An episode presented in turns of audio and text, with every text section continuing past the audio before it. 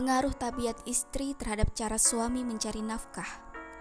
Imam Hasan Al-Basri berkata, "Aku datang kepada seorang pedagang kain di Mekah untuk membeli baju.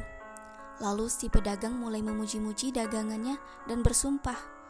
Lalu aku pun meninggalkannya dan aku katakan, tidaklah layak beli dari orang semacam itu.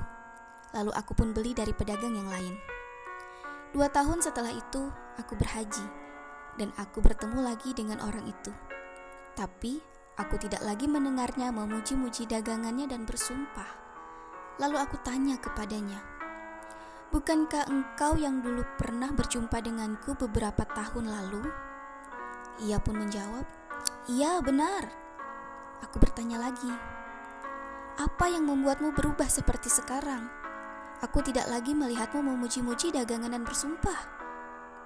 Ia pun bercerita, "Dulu aku punya istri yang jika aku datang kepadanya dengan sedikit rizki, ia meremehkannya, dan jika aku datang dengan rizki yang banyak, ia menganggapnya sedikit. Lalu Allah mewafatkan istriku tersebut, dan aku pun menikah lagi dengan seorang wanita. Jika aku hendak pergi ke pasar, ia memegang bajuku, lalu berkata, Wahai suamiku, bertakwalah kepada Allah.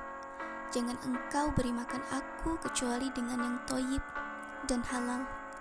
Jika kau datang dengan sedikit rezeki, aku akan menganggapnya banyak. Dan jika kau tidak dapat apa-apa, aku akan membantumu memintal kain. Milikilah sifat kona'ah, suka menerima atau jiwa yang selalu merasa cukup Janganlah menjadi jurang dosa bagi suamimu, wahai wanita.